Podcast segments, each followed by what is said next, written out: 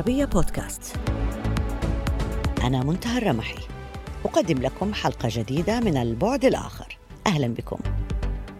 عندما قال مهاتير محمد مرتين إنه يريد الحصول على لقب العامل حتى الموت فإنه لم يكن يمزح. هو آخر من يمثل جيل الحرس القديم جنوب شرق آسيا الذي أصبح تحت قيادتهم يعرف باسم اقتصادات النمور. من رفاقه توفي سوهارتو الإندونيسي في عام 2008 ثم السنغافوري لي كوان يو في عام 2015 أما هو فعلى مشارف الثامنة والتسعين من العمر. عاد في نوفمبر الماضي للسباق الانتخابي كرئيس لتحالف ماليزي جديد. شغل مهاتير محمد منصب رئيس الوزراء لأول مرة لمدة 22 عاما من عام 1981 إلى عام 2003 وينسب إليه الفضل في التطور السريع الذي شهدته ماليزيا. في عام 2018 قطع تقاعده وبمساعدة مساعده السابق ثم منافسه السابق أنور إبراهيم عاد لرئاسة الوزراء. لكن التحالف فشل في تحمل ثقل الخصومات الداخلية. في فبراير من 2020 وجد مهاتير نفسه مطرودا بعد انهيار تحالفه. وفي 2022 نافس بحزب جديد أسسه على عقيدة تناقض تماما ما عرف عنه لكنه تكبد خسارة أجبرته هذه المرة على التقاعد النهائي وتتعارض تماما مع إرثه العريق والمختلط والذي يجعل منه الاسم الذي سيطر على ماليزيا المستقلة. في حواري معه تحدث عن هذا الإرث وهل إن رؤيته ما زالت صالحة؟ وتحدث عن فلسطين وإسرائيل وعن فشل فكرة تأسيس منظمة موازية لمنظمة التعاون الإسلامي وعن استضافة المشتبه بهم العرب. وعن العولمة والغرب المعادي للشرق ولروسيا وعن الأمم المتحدة التي يجعلها حق النقض عاجزة وغير عادلة. نرحب بضيفنا الدكتور مهاتير محمد رئيس الوزراء الماليزي السابق. أهلا بك معنا دكتور مهاتير. Thank you thank you دكتور مهاتير اسمح لي أن أبدأ بسؤال عن آه، بعد العودة للحياة السياسية بعد التقاعد هل ندمت؟ نو no. لا كان أمامي الكثير من العمل لست نادمة آه، بالرغم من النتيجة السيئة التي آه، تحققت في الانتخابات؟ فزت بالانتخابات التي أعقبت عودتي كما فزت برئاسة الوزراء حتى في الانتخابات الأخيرة أنا أقصد آخر انتخابات التي بعد انقسام الحزب التي حصلتم فيها في البرلمان نسبة تقريبا صفر من النتائج Yeah, I know. نعم أعرف. كان ذلك بسبب أن هذه الانتخابات أجريت قبل أن يستكمل الحزب كل عملية التسجيل لذلك لم يكن باستطاعتنا المنافسة بكيفية ملائمة وخسرنا كل المقاعد التي نافسنا عليها. كنت زعيم الحزب الذي سيطر على ماليزيا لعقود من الزمن الحقيقة. البعض في تلك الفترة اتهم حزبك أو اتهمك شخصيا بالاستبداد في التعامل مع المعارضين ما مدى صحة هذا الكلام؟ well, uh, I won حسنا فزت بكل الانتخابات التي خضتها خلال شغلي منصب رئيس الوزراء في الفترة الأولى. ثم في الفترة الثانية من شغلي منصب رئيس الوزراء فزت بالانتخابات الأولى ثم خسرت الثانية بعد أن تمت إطاحتي من الحكومة التي شكلتها أحزاب المعارضة. لماذا أصريت دكتور مهاتير على تشكيل حزب مؤخرا؟ تشكيل حزب المالوية هي المسيطرة عليه لماذا لم تختر حزبا متعدد الأعراق؟ It is because uh, كان ذلك بسبب أن الملاوي سكان ماليزيا الأصليين أصبحوا فقراء جدا مقارنة بالأعراق الأخرى لذلك كان يتعين أن يتم تمثيلهم بحزب مالاوي يمثل عرقيتهم فقط ويهتم ببرامجهم which will look after their problems. ألا يعتبر هذا تغير في سياستك آه، آه، بشكل مختلف عن المرحلة الأولى التي حكمت فيها ماليزيا؟ No, there's not much change. لا لم يكن تغييرا مني وإنما لم يكن التحالف المشكل من الأحزاب قويا بمثل ما كان عليه خلال فترة حكم الأولى as Prime Minister. نتذكر جميعا. الفترة الأولى التي تم انتخابك فيها رئيسا للوزراء الفترة اللي قضيت فيها 22 عاما آه تقريبا استطعت فيها آه، دكتور مهاتير أن تحول ماليزيا من حقل كبير للمطاط من دولة زراعية إلى واحدة من أهم الدول الآسيوية اقتصاديا ممكن تعطينا الوصفة؟ كيف الطريقة؟ ما هي الطريقة التي تعاملت بها حتى نجحت بكل هذه السنوات؟ نعم. Prime في الفترة الأولى التي أصبحت فيها رئيس وزراء كان حزبي قويا جدا. كانت له سلطة تامة على البرلمان. كنت قادرا بسبب ذلك على القيام بأمور كثيرة من ضمنها تحويل ماليزيا من دولة زراعية إلى دولة صناعية. لكن وكأنه القرار كان قرارا سياسيا فقط. أنا أريد أن توضح لي أكثر كيف نجحت في تحويل ماليزيا لواحدة من أكبر اقتصادات آسيا. أن تتحول من دولة زراعية إلى واحدة من أكبر اقتصادات آسيا. الوصفة الطريقة. Mainly it is because the government was very strong. أساسا بسبب قوة الحكومة التي كانت تسندها أغلبية مريحة لذلك كنا قادرين على اتخاذ القرارات وكان البرلمان يمنحها الدعم الكامل. وبسبب أن الناس في ماليزيا كانوا بحاجة إلى العمل وهو ما لا يتوفر بما يكفي في دولة تعتمد على الزراعة. ولذلك قررنا إطلاق الصناعات لأن ذلك يسمح للكثيرين بالعمل. وهو ما وفر الدعم لسياستنا من قبل الناس لانهم يستفيدون من تحويل البلاد من دولة زراعية إلى دولة صناعية. هل تتصور بأن هذه الوصفة صالحة أو ما زالت صالحة لماليزيا أو لأي دولة أخرى أن يكون هناك اتفاق سياسي على تطوير المجتمع Yes, it is still valid. نعم ما زالت صالحة. غالبية الدول التي تعتمد على الزراعة لا يمكنها أن تصبح ثرية. لو تتجه نحو الصناعة فإنها ستوفر الكثير من الفرص والعمل والوظائف لشعوبها التي ستصبح أثرى. ولذلك نرى دائما أن الدول الصناعية أكثر ثراء من الدول. أم، في عام 2018 وأيضا في انتخابات 2022 أه، حضرتك أكدت أن أولوياتك محاربة الفساد واستعادة سيادة القانون وضمان حرية التعبير. وقلت أن ماليزيا أه، تحولت لمجرد واجهة ديمقراطية وليست ديمقراطية حقيقية. آه، البعض اعت- اعتبر أنه هذا اعتراف بفشل أفكارك طوال الفترة التي حكمت بها. هل, هل هذا صحيح؟ أو كيف تقرأ؟ هذا الاعتبار؟ Yeah, Malaysia is a democracy in the sense that the people can change the government. نعم ماليزيا دولة ديمقراطية فقط من حيث أن شعبها قادر على تغيير الحكومات بواسطة الحكومات، لكن الديمقراطية تتطلب أيضا حرية التعبير وحرية الصحافة، وأيضا سيادة القانون. كل هذه الأمور تأتي جميعا مع الديمقراطية، غير أننا ورغم أننا ننتخب حكومتنا فإننا من ناحية حرية التعبير ما زلنا في الخلف لأننا دولة متعددة الأعراق ومن المهم ألا تتقاتل هذه other. ما الذي يعنيه هذا بالتحديد؟ هل يمكن أن نقول عن ماليزيا دولة ديمقراطية أم أنها ما زالت غير ديمقراطية 100%؟ نعم لكن الديمقراطية تترجم بأشكال مختلفة عبر مختلف الدول. في ماليزيا وبسبب أن لدينا دولة متعددة الأعراق فإن الأوكد والأهم ألا تكون لنا خلافات أو اشتباكات أو صراع بين مختلف مكونات المجتمع. ولذلك فإن كل ما من شأنه أن يدفع الأعراق على التقاتل غير مسموح به.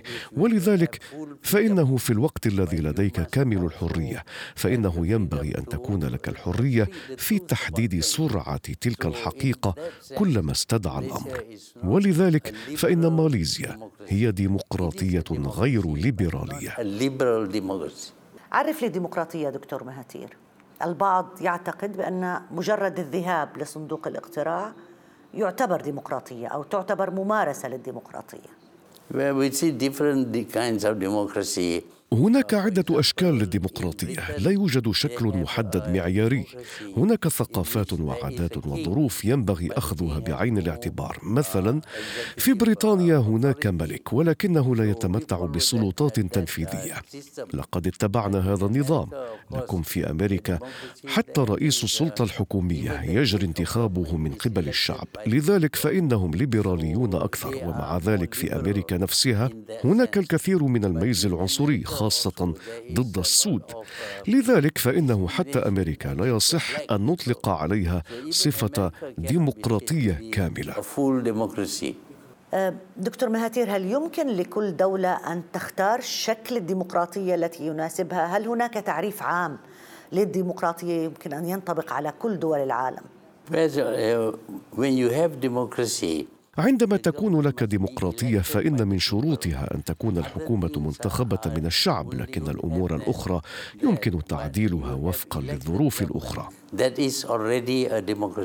ما الذي تريد أن يتذكرك به الناس؟ I don't care whether people remember me. حقا لا يعني الأمر أي شيء بالنسبة الي سواء تذكرني الناس أم لا. هذا هو موقفي حقا. لا يهمني ما إذا تذكر الناس إرثي أو امتدحوه أو لا. دعني أذهب معك باتجاه آخر في الحوار. السياسة نفسها التي انتقدت ماليزيا من أجلها في بداية القرن تكررت في السنوات الأخيرة. البعض يعتقد بأن ماليزيا أصبحت ملاذا لجماعات غير مرغوب فيها بها في بعض الدول آه، جماعات متطرفة بشكل أو بآخر بالذات في الدول العربية. أصبح مقرها ماليزيا. هل هذا صحيح؟ ما مدى دقة هذا الكلام؟ We do have people with extreme views لدينا أشخاص برؤى متطرفة أو متشددة في ماليزيا. نعم ولكن أي أشخاص أو أطراف بأنشطة عنيفة مثل التفجيرات والعمليات الانتحارية. هذا لم يحدث في ماليزيا وفي بلدنا. لدينا خلافات ومع ذلك نحن لا يقاتل بعضنا البعض.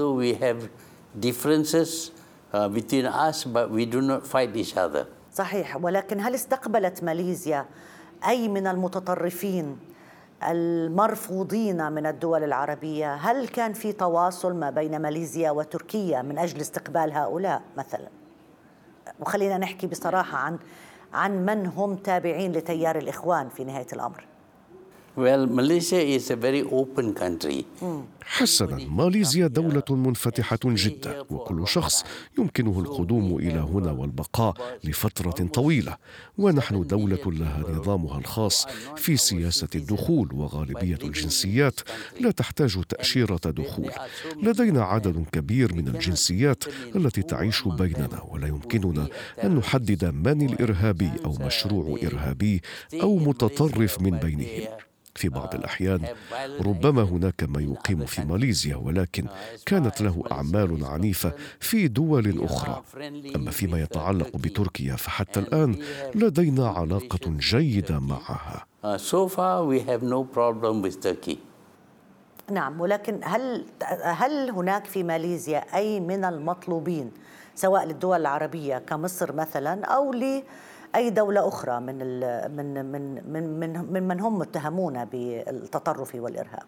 هؤلاء ليسوا مواطنين عاديين بالتأكيد اسمائهم لازم تكون معروفة لدى الدولة الماليزية. نعم ولكن لو يتم تمكيننا من أدلة ومعلومات تثبت أنهم إرهابيون فساعتها يمكننا اتخاذ إجراءات أو يمكننا طردهم من أراضينا ولا يمكننا بالضرورة إرسالهم إلى دولهم هكذا من دون أي معلومات مثبتة بحجة ماذا؟ يعني لماذا لا يتم تسليمهم لدولهم إذا كانوا متهمين بالإرهاب؟ في بعض الأحيان في بعض دول هؤلاء هم لا يلقون محاكمات عادلة وهذا يفرض علينا مسؤولية قانونية وأخلاقية. ولذلك إذا رغبت أي دولة في الحصول عليهم فعليها أن تبحث عنهم في دول أخرى غير ماليزيا. ماليزيا آه وأنت تحديدا اتهمتم بأنكم حاولتم الهروب من منظمة التعاون الإسلامي بتشكيل آه، تجمع آخر مختلف. قاطعتوا منظمة التعاون الإسلامي وقاطعتوا الدول العربية. أكبر الحضور فيه كان من الإخوان المسلمين 150 شخصية تقريبا. ماذا أردتم من هذا التجمع؟ It is not true that we have uh, uh, left uh, the ليس صحيحا أننا انسحبنا أو غادرنا منظمة التعاون الإسلامي. ما زلنا أعضاء فيها لكن هذه المنظمة تضم أكثر من خمسين دولة. ورأينا أن قانونها المنظم يجعلها غير قادرة على العمل بسبب الخلافات على اتخاذ القرارات. لذلك رغبنا في العثور على دول يمكنها الاتفاق وتعمل بنفس نظامنا. لقد رغبت الدول الخمس في إظهار أنه بإمكان المسلمين أن يقوموا هم أيضا بعمل جيد. وإذا نجحنا فإن ذلك سيكون مثالا للدول المسلمة الأخرى. نجحتم في ذلك؟ للأسف لم ننجح في خطتنا بسبب أنه خلال اجتماعاتنا جوبهنا بصعوبات. كما أن عدة دول عربية اعترضت ما أدى لعدم مشاركة دول مثل باكستان وإندونيسيا الكبيرتين. لكن الاجتماع كان جيدا من حيث أنه كان بنية تقديم اقتراح لمصلحة كل الدول الإسلامية لكن فشل حيث لم يكن هناك تنفيذ لما تقرر خلال الاجتماع. آه، وكأنك تقول دكتور مهاتير بانه إندونيسيا وباكستان قرارهم ليس بيدهم، قرارهم منوط بجهات أخرى منعتهم من الحضور، لماذا لا يكون قرار باكستان وإندونيسيا؟ انه ما تشارك بحالة الانقسام هذه التي آه، يعني اسست لها ماليزيا؟ نعم لقد نجحت دول عربية في إقناع باكستان وإندونيسيا بعدم الالتفات للفكرة ونحن لم يكن لدينا نفس الوزن أو القوة لمجابهة أي طرف. رغبنا فقط بأن نعقد مؤتمرا بكيفية هادئة فقط لكل من كان قادرا على الحضور. ومن لم يرغب في الحضور فالأمر كان يعود له. وقد ناقشوا الأمر مع الدول العربية الرافضة لعقد مؤتمر كوالالمبور. Which oppose uh, the meeting in Kuala Lumpur. طيب بس لحد هلأ إحنا مش فاهمين أو لا نستطيع أن نفهم ما الهدف من عقد هذا المؤتمر أو هذا الملتقى؟ No, we want to show لا لقد رغبنا في إظهار أن الدول المسلمة بإمكانها أن تكون متقدمة وأن تقدم مثالا جيدا للحوكمة. فبخمسين دولة لم يكن الاتفاق سهلا على التوصل للأسلوب الملائم. لكن بخمس دول فقط كان يمكن تقديم الطريق لذلك. ثم توسيعه في حال النجاح بحيث تتبعه الدول الأخرى. إيران نموذج؟ كانت موجودة إيران. هل تحكم إيران بطريقة طبيعية أنت ترى ما الذي يحصل في إيران الآن؟ لا نحن لم نناقش إيران. ناقشنا فقط مثال الحوكمة الجيد. كنا نرغب بإظهار الطريق للآخرين ولم نجبر أحدا. إذا رغبوا بالالتحاق يمكنهم ذلك. وإذا لم يرغبوا فالأمر عائد لهم أنا بدي أخذ رأيك دكتور مهاتير بما يحصل الآن في أوكرانيا. بين روسيا والدول الغربية أعطيني تقييمك له Well, uh, as you know, Russia dismantled the Soviet نعم كما تعلمون فإن روسيا فككت الاتحاد السوفيتي وعدة دول منحت حريتها بسبب ذلك ومنها أوكرانيا وكلها كانت جزءا من الفيدرالية الروسيه لكن ما حدث لاحقا أن بعض تلك الدول عندما امتلكت حريتها رغبت بالانضمام إلى الناتو المعارض لروسيا وبالطبع تشعر روسيا بأن ذلك خطر يهددها حيث إن عدة دول سوفيتية السابقة. كانت تابعة لفيدرالية روسيا أصبحت أعضاء في التجمع الغربي. هذا التجمع الغربي وأداته الناتو تم إحداثه لمجابهة روسيا واعتبارها عدوة. لو كانت هذه الدول بعيدة عن روسيا أعتقد أن موسكو ما كانت لتقوم بأي شيء ولكن بحكم محاذاة أوكرانيا لروسيا وعندما تنضم أوكرانيا للناتو فإن الخطر يصبح وجوديا على موسكو لأن العدو أصبح على الحدود المباشرة ما يجعلها تشعر بأنها غير آمنة لأن العدو قريب جدا when the enemy is so close by. إذا مخاوف روسيا مبررة في هذه الحالة. Well, uh, the, the thing is a provocation. الأمر يتعلق بالاستفزاز. فعندما ترغب أوكرانيا بالانضمام إلى الناتو ذلك يعد استفزازا واضحا. لأنه تهديد لروسيا بواسطة قوات الناتو. وعندما تستفز فإنك تحصل على نتائج سيئة. لذلك أصبحت أوكرانيا جبهة حرب للناتو من دون أي ضلوع ميداني. لذلك فإن أوكرانيا تجد نفسها اليوم وحيدة تعاني ويلات الحرب وتتكبد الكثير من الخسائر. مع مقتل الآلاف من مواطنيها ونزوح وهجرة الملايين الآخرين. كما تم قصف عدة مناطق منها فوجدت أوكرانيا نفسها تعاني وتحارب وحدها. في الوقت الذي يزودها الناتو بالسلاح والأموال للقتال وفي النهاية ستجد نفسها مدمرة في الوقت الذي لن يخسر الناتو شيئا. The NATO doesn't lose anything. هناك ال- ال- الكثير من ال- المواطنين حول العالم متشائمون في 2023 2024 Well, uh, the world has become uh, accessible. حسنا لقد أصبح العالم مفتوحا أكثر وأصبح من السهل الوصول لكل مناطقه. إضافة إلى السهولة التي أصبح عليها التنقل والاتصالات. كان يفترض بسبب ذلك أن تعمل كل دول العالم جنبا إلى جنب لكننا الآن نرى العكس. نرى تعارضا بين الغرب والشرق بين أمريكا وروسيا والصين. إنهم يركزون الآن على الاستعداد للحرب. لدينا الأمم المتحدة لكنها تحت ضغط وسيطرة خمس دول لها حق الفيتو ولا يمكننا الاعتراض. على ما تقرره هناك بسبب سلطة النقد. دائما ما تعترض هذه الدول على ما ترغب بالقيام به حتى لو كان جيدا للعالم أجمع. هل يمكن تغيير هذه المعادلة آه، معادلة خمس دول التي لها حق الفيتو ومن الذي يستطيع أن يغيرها. Uh, حسنا يتعين علينا ذلك. يحسن بنا أن نلغي سلطة الفيتو لأنها تتعارض مع الديمقراطية. فدولة بمفردها يمكنها تعطيل أكثر من 190 دولة دفعة واحدة. هذا كل ما يعنيه الفيتو. لذلك هو غير ديمقراطي. ينبغي أن نتخلص منه ومن هذا النظام غير الديمقراطي ونستبدله بنظام ديمقراطي يمكن الجمعية العمومية من أن تكون لها سلطة التقرير عبر تصويت تتخذ فيه الغالبية القرار لكن الآن حتى لو اتخذت 199 دولة قرارا بالإجماع فيما بينها فإن بإمكان دولة تملك الفيتو أن تعطل اتخاذه. هل العولمة بمفهومها الذي نعرفه تطبق حاليا ما رأيك فيها؟ هل, جاء هل جاءت بالخير على العالم ولا جاءت بالشر على العالم؟ ما الذي حصل؟ لا توجد عولمة حقيقية لأن هناك معاهدات ثنائية وثلاثية وإقليمية وأيضا هناك فرض لعقوبات اقتصادية وتجارية وسياسية مثل ما هو الأمر مع روسيا والصين.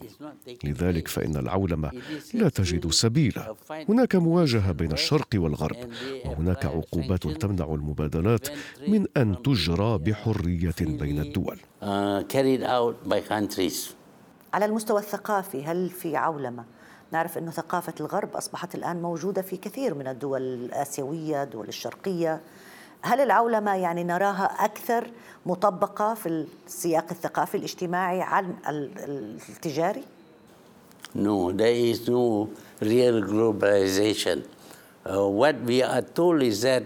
لا لا توجد عولمة حقيقية. ما نراه لها من معنى الآن هو انه يتعين الإبقاء على الصين وروسيا عدوين.